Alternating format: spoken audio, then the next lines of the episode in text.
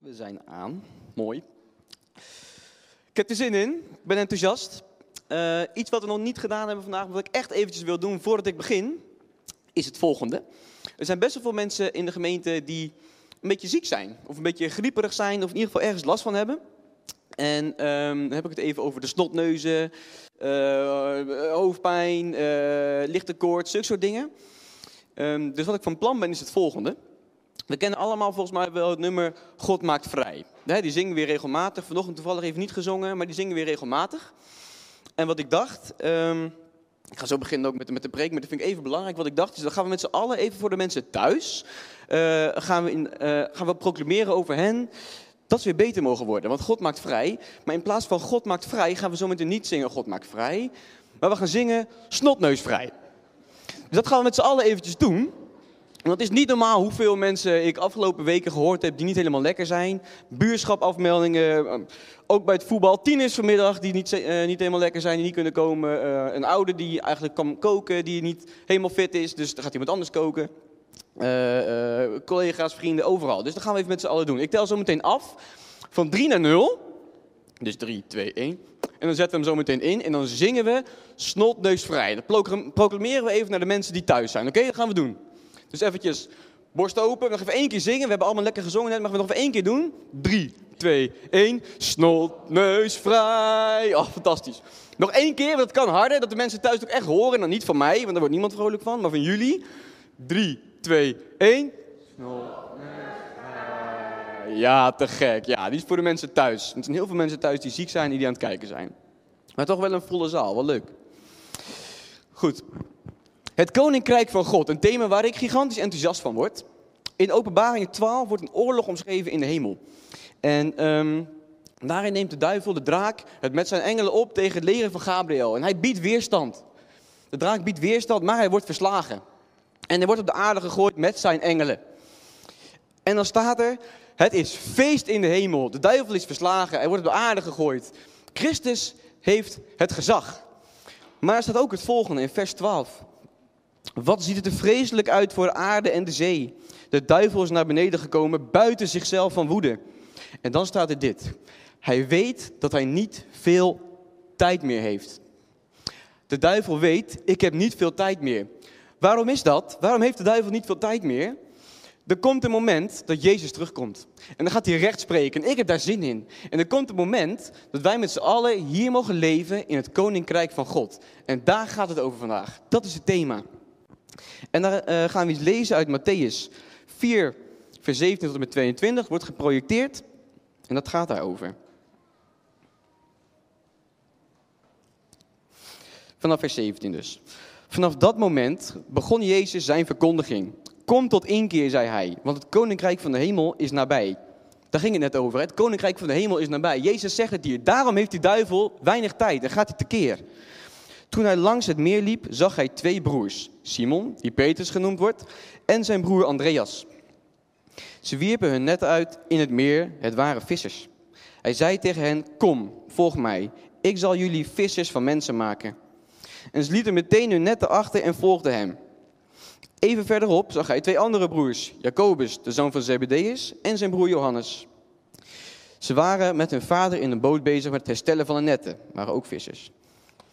Hij riep hen en meteen lieten ze hun boot en hun vader Zebedeus achter, die zit er nog steeds, en volgden hem.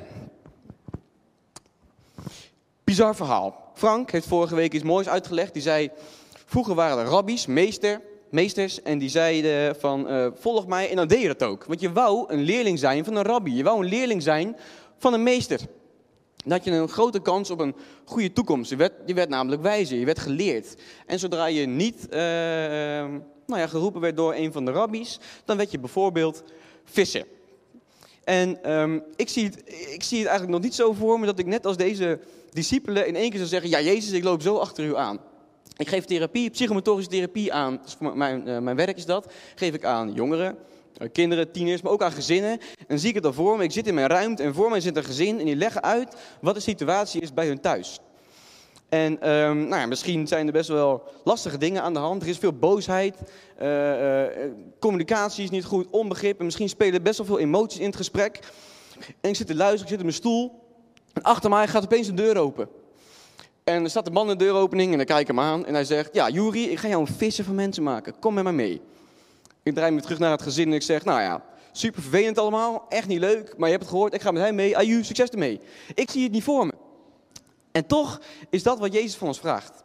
Toch vraagt Jezus aan ons of wij met hem mee willen gaan. Of wij zijn discipelen willen worden. Wat ik hoop vandaag, en dat is mijn doel, is dat je enthousiast wordt voor het koninkrijk van God. Daar mag je nu op gaan richten. Enthousiast worden voor het koninkrijk van God. Want al is het zo dat de duivel inderdaad hier zijn regering of zijn rijk aan het bouwen is, daar doet hij keihard best voor. En op bepaalde gebieden slaagt hij er ook in. Hij slaagt erin om bepaalde levens kapot te maken. Daar ga ik zo een verhaal over vertellen. Maar alsnog, lieve mensen, alsnog kunnen wij delen van het koninkrijk van God zien hier op aarde. En zodra je dat ziet, verandert er iets. En het lijkt in principe geen les, maar het is wel zo. Want zodra jij het koninkrijk van God leert zien en leert herkennen, verandert er iets. Maar de vraag van vandaag is, zie jij het? Zie jij het koninkrijk van God? En Jezus die, die helpt, ook, uh, helpt ons ook om uh, uit te zien naar het koninkrijk van God. Bijvoorbeeld, uh, hij zegt in, het, het Onze Vader, het gebed wat hij ons voorzegt, zegt hij ook, laat uw koninkrijk komen. Wij mogen uitzien naar het koninkrijk, laat uw koninkrijk komen. Jezus ziet zijn wederkomst ook als een bruiloft. Ik hou wel van een feestje, ik heb daar wel zin in, daar mogen we naar uitkijken. Dat is een verlangen wat we mogen hebben. En ik weet niet of je het al weet, maar het is belangrijk. Geloven heeft heel veel te maken met keuzes maken. Ik ervaar het in mijn eigen leven ook. Ik uh, merk dat als ik een keuze maak om mij te verdiepen in mijn geloof, als ik ervoor kies om uh, meer uh, Bijbel te lezen, meer te bidden, als ik ervoor kies om dingen te doen waarvan ik weet dat God wil dat ik ze doe, groeit mijn geloof. Dan word ik er enthousiaster voor. En zo is het ook met het herkennen van het koninkrijk van God. Zodra ik mij ga richten op de dingen van het koninkrijk van God en wanneer ik ze ga zien, oh, heb ik zin in jongen, dan heb ik zo'n verlangen naar het koninkrijk van God. En daar mogen we naar uit gaan kijken. Ik ga jullie meenemen in een verhaal. En uh, het verhaal gaat, uh, gaat laten zien dat de duivel inderdaad dingen echt kapot kan maken. En dat is zo. Maar het verhaal gaat ook laten zien dat het koninkrijk van God alsnog zichtbaar is. En dat moet je gaan herkennen. Het verhaal uh, komt voort uit een documentaire die ik gezien heb. ik denk echt al vijf jaar geleden of zo. Um, maar er is een moment in de documentaire. En toen veerde ik in één keer op uit de bank.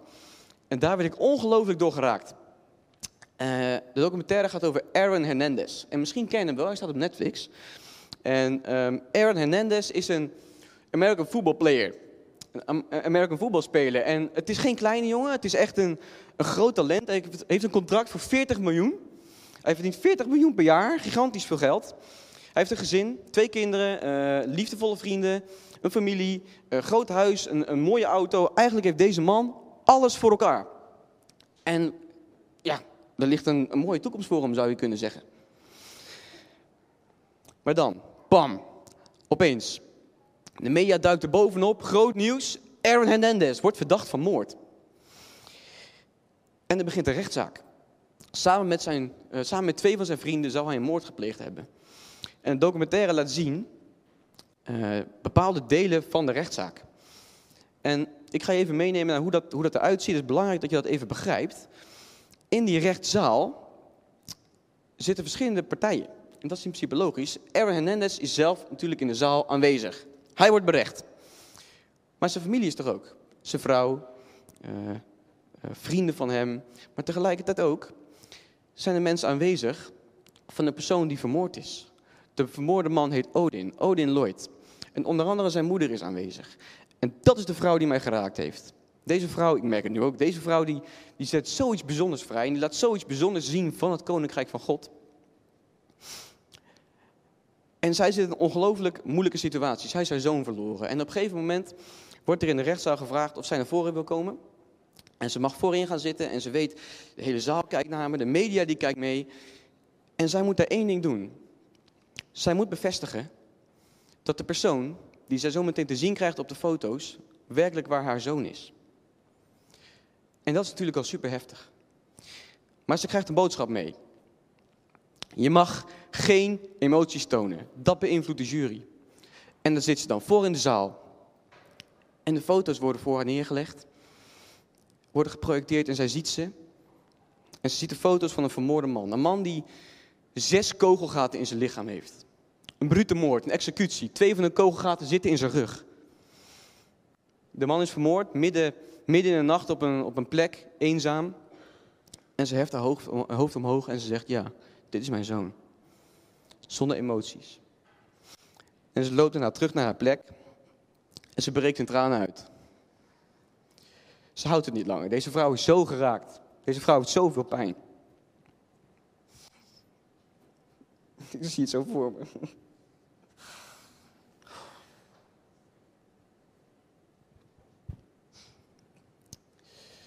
En dan komt er een moment de rechter zegt, schuldig. Overvalt mij ook een beetje dit. Dat de rechter zegt, schuldig. En de media, zoals ik al zei, zitten er bovenop en ze zoeken deze vrouw later ook na het vonnis uh, op. En ze zeggen, hoe gaat het? En eerst zegt ze, nou, geef me even wat rust, tijd om, om te rouwen. En even later komen ze weer bij haar thuis. En vanaf dat moment treedt zij, die moeder van de vermoorde Odin Lloyd, vaker in de publiciteit. En op een gegeven moment krijgt ze een interview voorgeschoteld en ze zegt het volgende. Hoe gaat het? En ze zegt dit. Ik, ik ben blij dat er, een, dat er een oordeel is geweest, dat de mensen die mijn zoon vermoord hebben schuldig verklaard zijn. Maar ze zegt ook het volgende. En het is ongelooflijk. Ze zegt, eerst dit.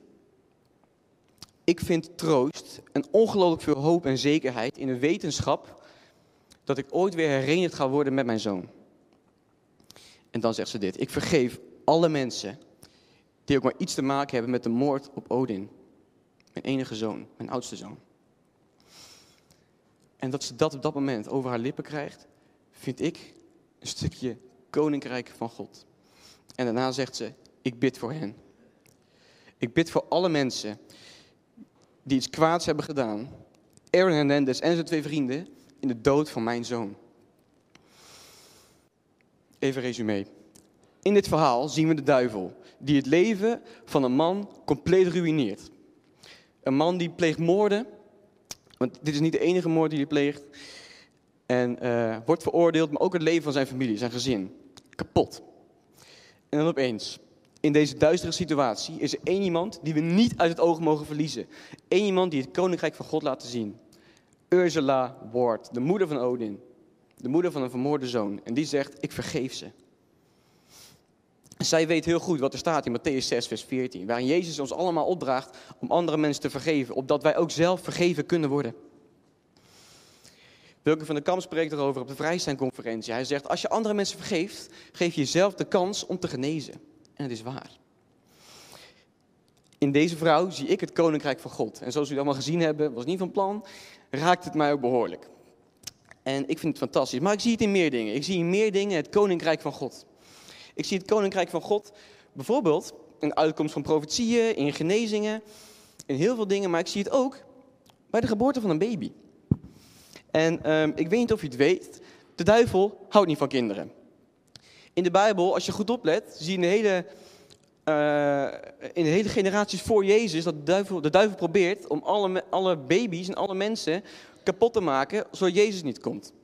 We zien ook dat de duivel complete generaties kinderen, het is heftig, uitroeit. Denk aan het volk Egypte. Het volk wordt te groot, daar gaan de jongetjes allemaal de nel in. Wat, er is een koning geboren, denkt Herodes, daar gaan de kinderen. De duivel houdt niet van kinderen. En ik snap hem wel. Want wat er gebeurt op het moment dat er ergens een kind geboren wordt, vind ik fantastisch. Je ziet de ouders, die zijn zo gelukkig, en moe, maar ook zo gelukkig en zo vrolijk. En ook alle mensen daaromheen, er gebeurt iets. De mensen die uh, grootouders worden, ook een fantastisch gegeven, dat je opa of oma kunt worden. Ik zie daarin het koninkrijk van God. Maar de vraag is, zie jij het? Zie jij het? Herken jij het? Op het moment dat jij gaat herkennen dat zulke dingen het koninkrijk van God weerspiegelen, dan verandert er iets bij jezelf. We gaan nog een stukje lezen. Ook Matthäus 4, maar dan vanaf vers 23. Hij trok rond in heel Galilea. Hij gaf er onderricht in de synagoge, verkondigde het goede nieuws van het koninkrijk, genas iedere ziekte en elke kwaal onder het volk. Het nieuws over hem verspreidde zich in heel Syrië. Allen die ergens aan leden en die gekweld werden door een ziekte of door pijn. En ook bezetenen en maanzieken en verlamden werden bij hem gebracht. En hij genas hen. De grote groepen mensen volgden hem uit Galilea en Decapolis, uit Jeruzalem en Judea en uit het gebied aan de overkant van de Jordaan. Heel veel mensen volgden hem. Waarom? Hij liet het koninkrijk van God zien. Je wou bij Jezus in de buurt zijn. Wat een dingen liet hij zien. Wat een bijzondere man. En hij deed wonderen. Dingen die bij het koninkrijk van God horen. Genezingen. Er is geen pijn meer, staat er. Ik heb daar zin in. Ik verlang daarnaar. Zie jij het? Weet je wat zo mooi is? Als jij geraakt wordt, als jij nu zoiets hebt van, wauw, dat koninkrijk van God, ik vind het vet en ik word er enthousiast van. Dat is te gek, weet je waarom? Jij bent een van die vissers. Jij bent een van die vissers waar Jezus op een gegeven moment tegen spreekt. Ja? Jij mag jezelf zien als een normaal mens. Jij bent misschien wel die accountant. Misschien werk je wel voor de gemeente. Misschien zit je in de WW. Misschien ben je een student. Misschien zit je thuis. Misschien ben je een zorgzame moeder die goed zorgt voor zijn gezin, voor haar gezin. Misschien ben je een schrijver. Misschien, maakt niet uit. Jij bent de doodnormale visser. Jij bent de persoon waar tegen Jezus zegt, volg mij. En wanneer je dat doet, ben jij een lichtdrager voor het koninkrijk van God. En dan gaan andere mensen om jou heen ook in jou het koninkrijk van God herkennen. Dat is een mooi gegeven, hè? Maar de vraag is, zie jij het? Herken jij het koninkrijk van God? En daar wil ik voor bidden. Lieve Vader in de hemel, dank u wel. Dank u wel dat u ons wil laten zien wie u bent. Dank u wel dat u niet schuchter bent, dat u zich laat zien. Dank u wel, lieve Vader, dat u, dat u niet alleen liefdevol bent, maar dat u ook rechtvaardig bent. Dat u weet wat goed is, maar dat u ook ons helpt om dat rechtvaardige na te streven. Heere God, maak uzelf kenbaar. Laat alsjeblieft aan ons als gemeente zien waar u bent. Help ons om u te herkennen. Help ons om u te zien. Heer, help ons dat verlangen naar u ook te laten groeien. Heer God, dank u wel dat u niet alleen tegen mensen spreekt die in de ogen van mensen een hoog aanzien staan, maar dat u ook spreekt naar de normale mens. En dat iedereen hier in deze zaal, iedereen die thuis kijkt, daardoor geraakt mag worden. U praat tegen ons allemaal. Dank u wel. Heer, leer ons u herkennen. Leer ons te verlangen naar uw koninkrijk. Dank u wel dat we allemaal lichtdragers mogen zijn van uw koninkrijk. Amen.